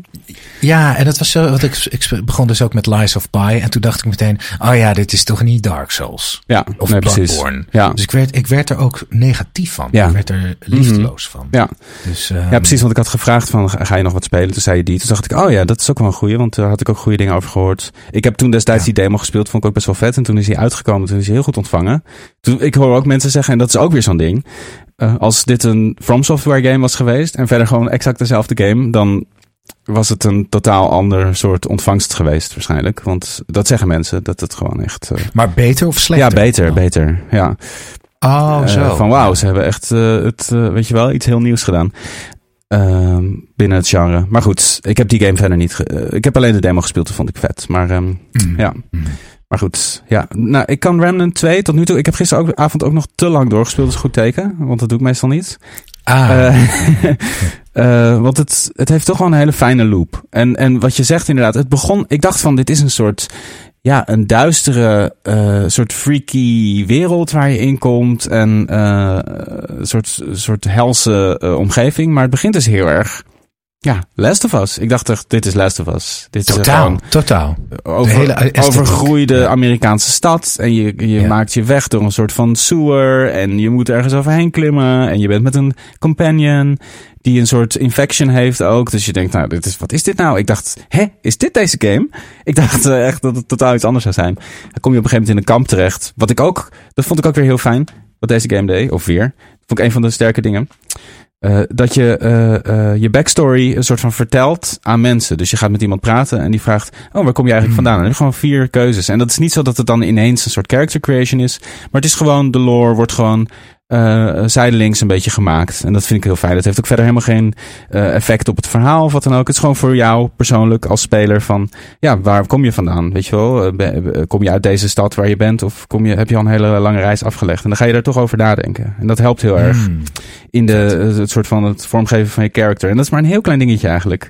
En er zijn er wat classes die je kan kiezen. Nou goed, ik vond het, en, en dan ga je dus een soort van dungeons in eigenlijk. En die dungeons zijn dan heel heel erg anders vormgegeven dan in die Last of Us wereld. Dat zijn ja, een soort duistere, beetje Bloodborne achter waar ik nu ben. Volgens mij zijn er heel veel verschillende, maar de, die eerste is heel erg een beetje Bloodborne-achtige vibe. Een beetje Victoriaans, met grote torens en uh, schoorstenen en brand. Mm. En grote hekken die dicht zijn met iemand erachter die een soort van aan het mumbelen is. En ik kwam een puzzel tegen met een klok, dat ik een klok goed, goed moest zetten. En dan moest ik door de wereld rondkijken van, oh, dat is de klokkentoren. Het zal wel die die tijd zijn die op die klokkentoren zat. Nou ja, goed. Dat soort dingen. Ik vind het heel tof gedaan. En het is dus, ja, de gunplay is gewoon heel lekker. Je, hebt, je kan kiezen uit twee guns. Een soort long gun en een, een pistol. En ja, ik zit er wel in. Ik vind het wel lekker. Lekker. Ja. Dus je gaat, hem, uh, je gaat ermee door. Ik ga er zeker mee door. En volgens mij, ja, het is heel erg een game die heel erg gemaakt is. Er, is. er is gewoon een campaign met een verhaal en alles die je gewoon single player of multiplayer. Het is heel erg gericht ook op multiplayer. Maar die kan je ook gewoon single player helemaal uitspelen. En volgens mij is het een game die vooral gemaakt is om te blijven spelen. Want er zijn allemaal uh, uh, random bosses en random uh, werelden. En je weet nooit precies wat je, tegenkomt op elke run. Dus het heeft een soort Diablo-achtige aantrekking ook. Waarbij je dus loot moet verzamelen en bepaalde unique items kan vinden. En, uh, waarschijnlijk ga ik er niet zo diep in, maar ik heb echt wel gezien op Reddit dat mensen in principe gewoon echt deze game voor, voor honderden uren spelen om alles te zien. Maar ik denk dat ik genoeg zal hebben aan gewoon de campaign. En uh, mm. ik vind het een, een verfrissende, verfrissende aangelegenheid. Nou, dat is wat heerlijk. Ja, ik hoop dat jij. Ja, precies. Ja, ik hoop dat jij iets, iets lekkers vindt. Uh, ik, moet, ik moet in ieder geval ja, ik moet echt weer, want Spider-Man had me echt wel bij, bij mijn ballen. Ja. Um, en uh, het, het is ook vaak zo, nadat je iets hebt gespeeld ja. wat je echt wel heeft geraakt, mm. dat het weer even duurt voordat je weer iets vindt. Ja, en ik ging er toch uit pure ellende, nadat ik dus op één avond zes games begon, die ik allemaal stom vond. Ja. De S-word. Toen, heb ik Slay the Spider ja, De S-word. Uh, ja. ja, je wist, je voelde Ik voelde hem al aankomen. Ja, en wat wel heel fijn was, was dat ik toen een uh, screenshot kreeg van, uh, een vriend, van Tom. Ja. Van Tom. Die zag dus in de PlayStation oh, ja. 5. Die heeft ook een PlayStation 5. Oh, zag je was echt gezien. de Spire oh, speelde. Ik werd, ik werd betrapt. Oh, dus als een alcoholist. Dat, dat je ja. iemand in een café ziet zitten ineens ergens achter in de, in de bar. Dat je denkt, oh, die is weer gaan drinken. Ja. ja ik dacht dat hij gestopt was. Oh, wat, wat gênant. Ja, ja, gênant hè. Ja. En, maar ook fijn dat ik dacht, oh fijn, fijn, fijn. Dus dit, dit is weer een trigger om toch weer te laten. Ja, weer al die save games verwijderd. Allemaal. Eh, ja, Ik, ik, had wel een fantastische paar runs in die twee uur dat ik het speelde. Maar echt mijn, ja, nee, het is gewoon, ik, ik wou dat die game niet bestond. Ja, het is echt heel erg. Ja, ja, um, ja godsamme. Goed, ach joh, hey. Ja, ja, ik moet natuurlijk ook... Uh, uh, niet zo streng voor mezelf zijn. Nee joh.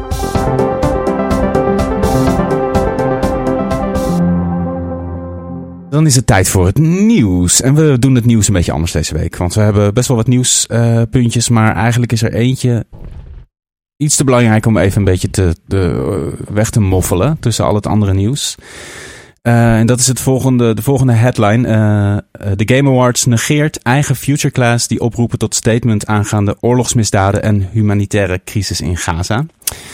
Uh, zeven... Wat is een future? Wat is een, ja, de eigen future class? Nou, dat zijn een, vijftigtal jonge toonaangevende game developers die door de Game Awards op een, ja, ze eigenlijk zijn geprezen en worden gepromoot. Dus de Game Awards, uh, Jeff Keighley hebben gezegd: jullie zijn de toekomst en we willen samen met jullie uh, ook de toekomst van games en de Game Awards vorm gaan geven. We luisteren naar jullie.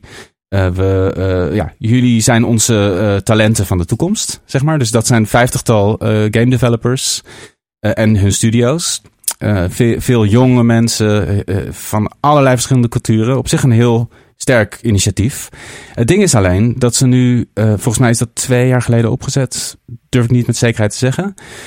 Het ding is dus nu dat uh, deze club uh, een open brief hebben geschreven en Jeff Keighley op hebben geroepen en de Game Awards hebben opgeroepen om een statement te maken over wat er gaande is in, in Gaza.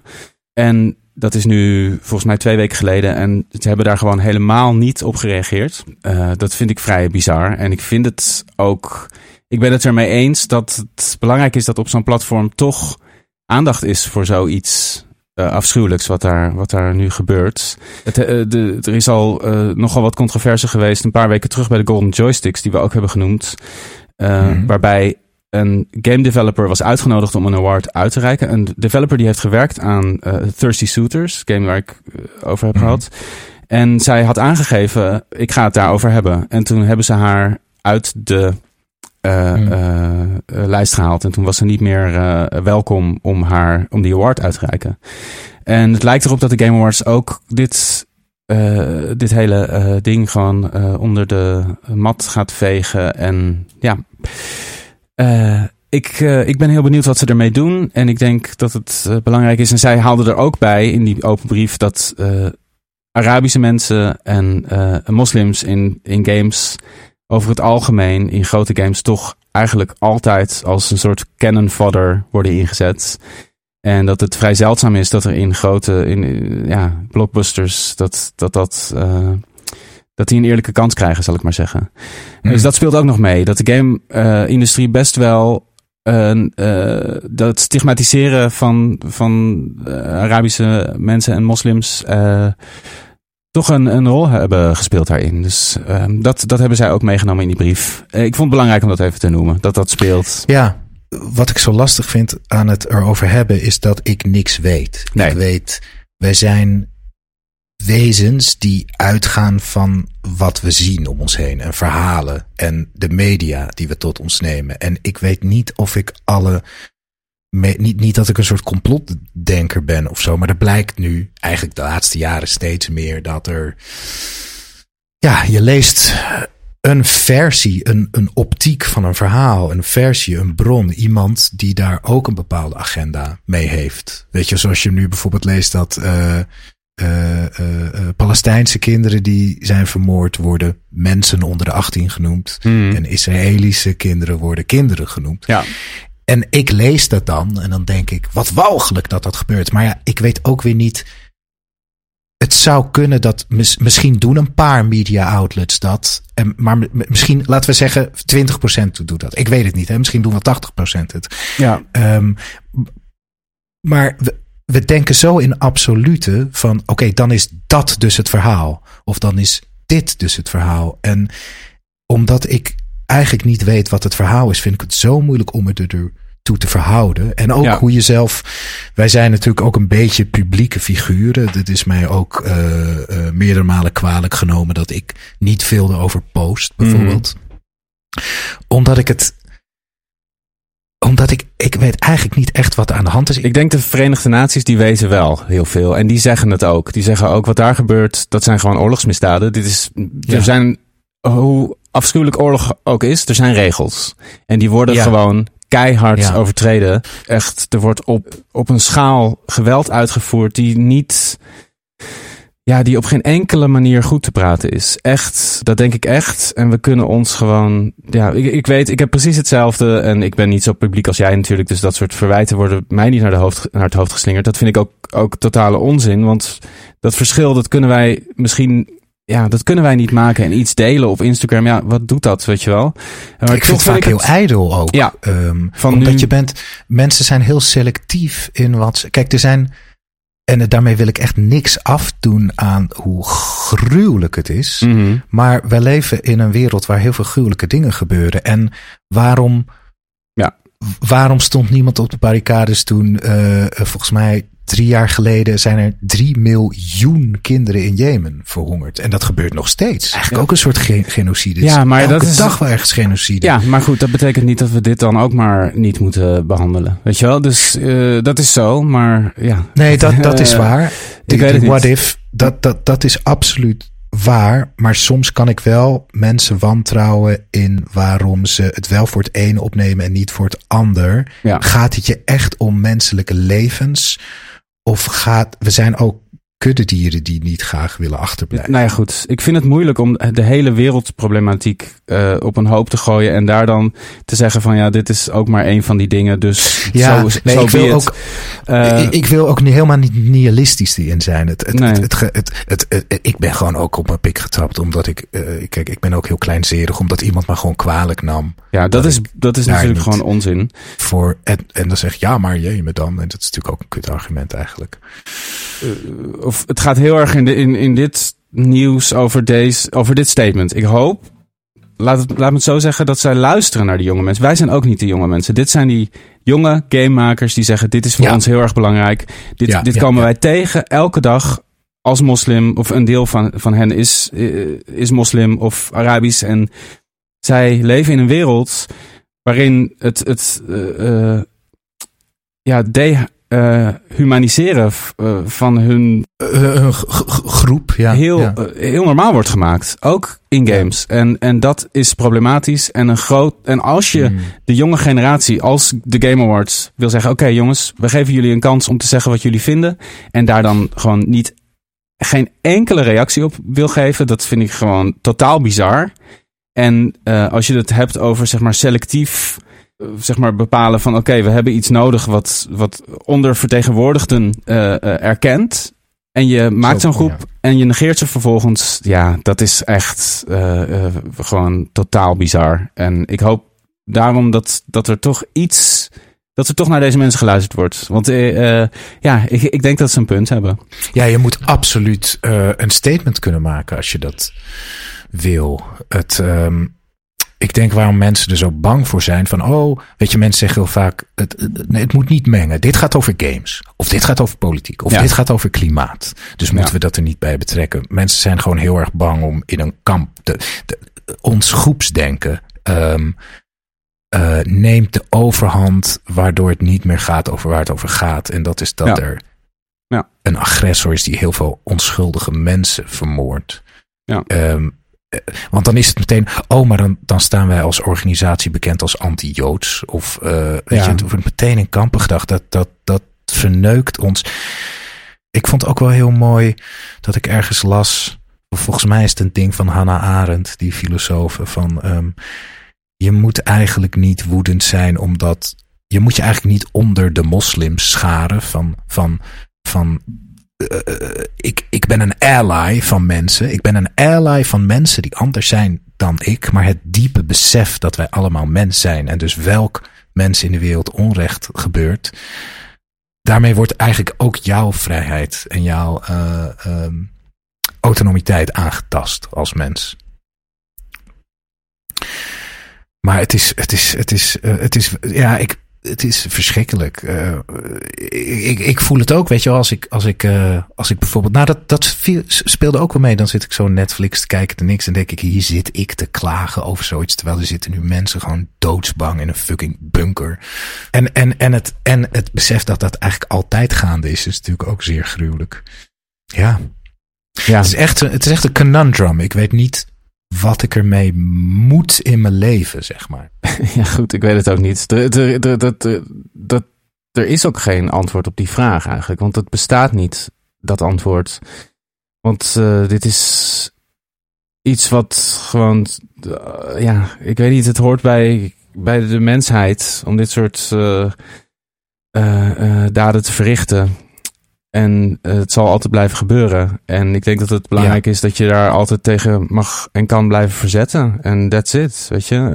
Uh, ik denk ergens dat de oplossing misschien is om dan maar alle de verantwoordelijkheid die jij hebt voor geluk en schoonheid en rechtvaardiging op je eigen vierkante meter, waar je wel invloed op hebt, om die met zoveel mogelijk eer uit te oefenen. Mm. Want zeg maar als dat het is een beetje als, het is een beetje als de stelling van, nou, als iedereen nou in de wereld beslist, ik vermoord niemand, dan hebben we het opgelost. Als iedereen die individuele keuze maakt, dan hebben we het opgelost. Het is moeilijk. Er is geen, we kunnen niet hier een oplossing of een duiding nee, geven. Die is er niet. Daar, daar is het te groot voor. Ik bedoel, zelfs de grootste denkers en de, de, de grootste politieke experts, niemand heeft hier een antwoord op. Laat staan wij. We hoeven er ook niet ja, ik vind het moeilijk om er zo, zo diep op in te gaan, eerlijk gezegd. Omdat het zo complex is. Ja, ja. Goed, het lijkt mij goed als er een statement wordt gemaakt. Dat is eigenlijk alles wat ik. Wat ik maar dus even, die, die, die future class mocht dus, die mochten dus geen statement maken van de Game Awards daarover. Die hebben een oproep gedaan naar de Game Awards. Van hey, luister, het zou goed zijn als jullie dit aankaarten. Weet je? Want het, ah, is vaker in de Game Awards. Niet. Nou ja, daar hebben ze überhaupt niet op gereageerd. En er zijn mhm. die, die door, door talloze game developers ondertekend, die open brief. Duizenden hoogstaande uh, uh, game developers. Iedereen is daar, of niet iedereen natuurlijk, maar velen zijn erachter gaan staan. Mhm. En uh, het is genegeerd. Dus ze, hadden ook kunnen zeggen: ja, sorry, dat gaan we niet doen. Maar dat hebben ze ook niet gedaan. Dus het hangt nu totaal in de lucht. Ze hebben het gewoon gedaan alsof deze hele door hunzelf opgerichte club niet bestaat. Ja.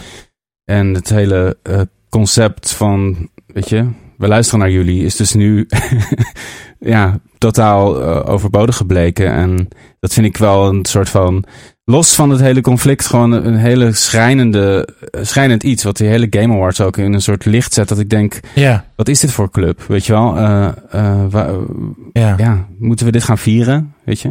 Uh, dus. Maar dat is toch heel vaak dat ijdelheid speelt zo'n rol. Je denkt, weet je wel, onder het mom van, oh, we geven de jonge generatie de kans. Maar nee, jij wil gewoon als organisatie gezien worden als iemand die in contact staat met de jeugd. Ja. Als het erop aankomt, luister je niet. En, Precies. Ehm, ja, ja. Uh, ja, die ijdelheid zit gewoon ontzettend in het bedrijfsleven heel erg. Maar je hebt helemaal gelijk. Het is, het is iets waar ik ook het gesprek helemaal niet over kan voeren. Het is moeilijk. Het is moeilijk om het, om het te duiden. Dat gaat gewoon niet. Denk ik. Nee. Maar dat dit speelt is een feit. Dat, ik wilde het even erkennen. Weet je wel? Ja, nee, dat is ook goed. En het, het heeft ook iets heel cruus dat de helft van de wereld zichzelf vermaakt met multiplayer oorlogsspellen, weet je wel. De simulatie ervan. We spelen het allemaal. En het gebeurt gewoon echt. Ja. Dat heeft iets heel, uh, ja, wonderlijks. Heel cru. Heel, heel bizar. Eigenlijk, ja. Uh, maar ja. It's the world we live in. Um, It is the world we live in. En um, we mogen echt op onze knietjes dankbaar zijn dat wij niet in zo'n gebied zitten. Precies, ja. Ja. Um, Alright. Nou, wat een, uh, nou, wat een aflevering. opgewekt einde. Jeetje. Opgewekt einde. Uh, ja, opgewekt uh, einde. Precies. ja, goed. We, we gaan, ik ga toch die trailer nog wel een paar keer kijken hoor, van GTA. kijken wat er, ja, wat er nog in te ontdekken valt. En, Precies, met je speurneus. Speurneusje. En we spelen door, ondanks alles. We zullen doorspelen. We zullen doorspelen, yes. Alright. Tot Tot de volgende week, lieve luisteraars. Bedankt voor het luisteren naar de Maarten en Kees Videogame Show met Maarten Heijmans en Kees Groenteman. Wij zijn als show en afzonderlijk te vinden op onder andere Instagram, Twitter en TikTok. Voel je vrij om de podcast overal te volgen en een mooi aantal sterren te geven. Daarmee help je ons enorm. Muziek en montage door Kees Groenteman. Artwork is van Hannah Gilhully. Tot de volgende show. Hoor je mij? Sorry, ja, ik ben nog okay. even. ja, nee, geen mijn eigen volume nog even. Het, het, het, het, het, het, het is perfect. Het, het, Jij hoort mij nog hetzelfde. Ik hoor jou hetzelfde. Het, het, ja, ja, ja. ja. Het, het, het, het, het, het, het, uh, Ze zijn hier aan het schuren. Schuren ergens. Dus als er. Uh, ja, precies. Ja. Leuk. Ja, dus er wordt heel hard geschuurd. Dus uh, je hoort af en toe. De bouwvakkers. Ja, die, hebben, die zijn lekker aan het dansen met elkaar. Lekker aan het schuren. Ja. ja. Dus uh, dat je dat weet. Worried you'll need to babysit your robot vacuum? Think again. Meet Eufy X10 Pro Omni Robot Vacuum with AI powered navigation to recognize and avoid over 100 objects. It's the winner of five Best of CES awards. And Digital Trends says it boasts almost all the same features as robot vacuums that cost twice as much. Want to know more? Go to eufy.com. That's EUFY.com and discover X10 Pro Omni, the best in class all in one robot vacuum for only $799.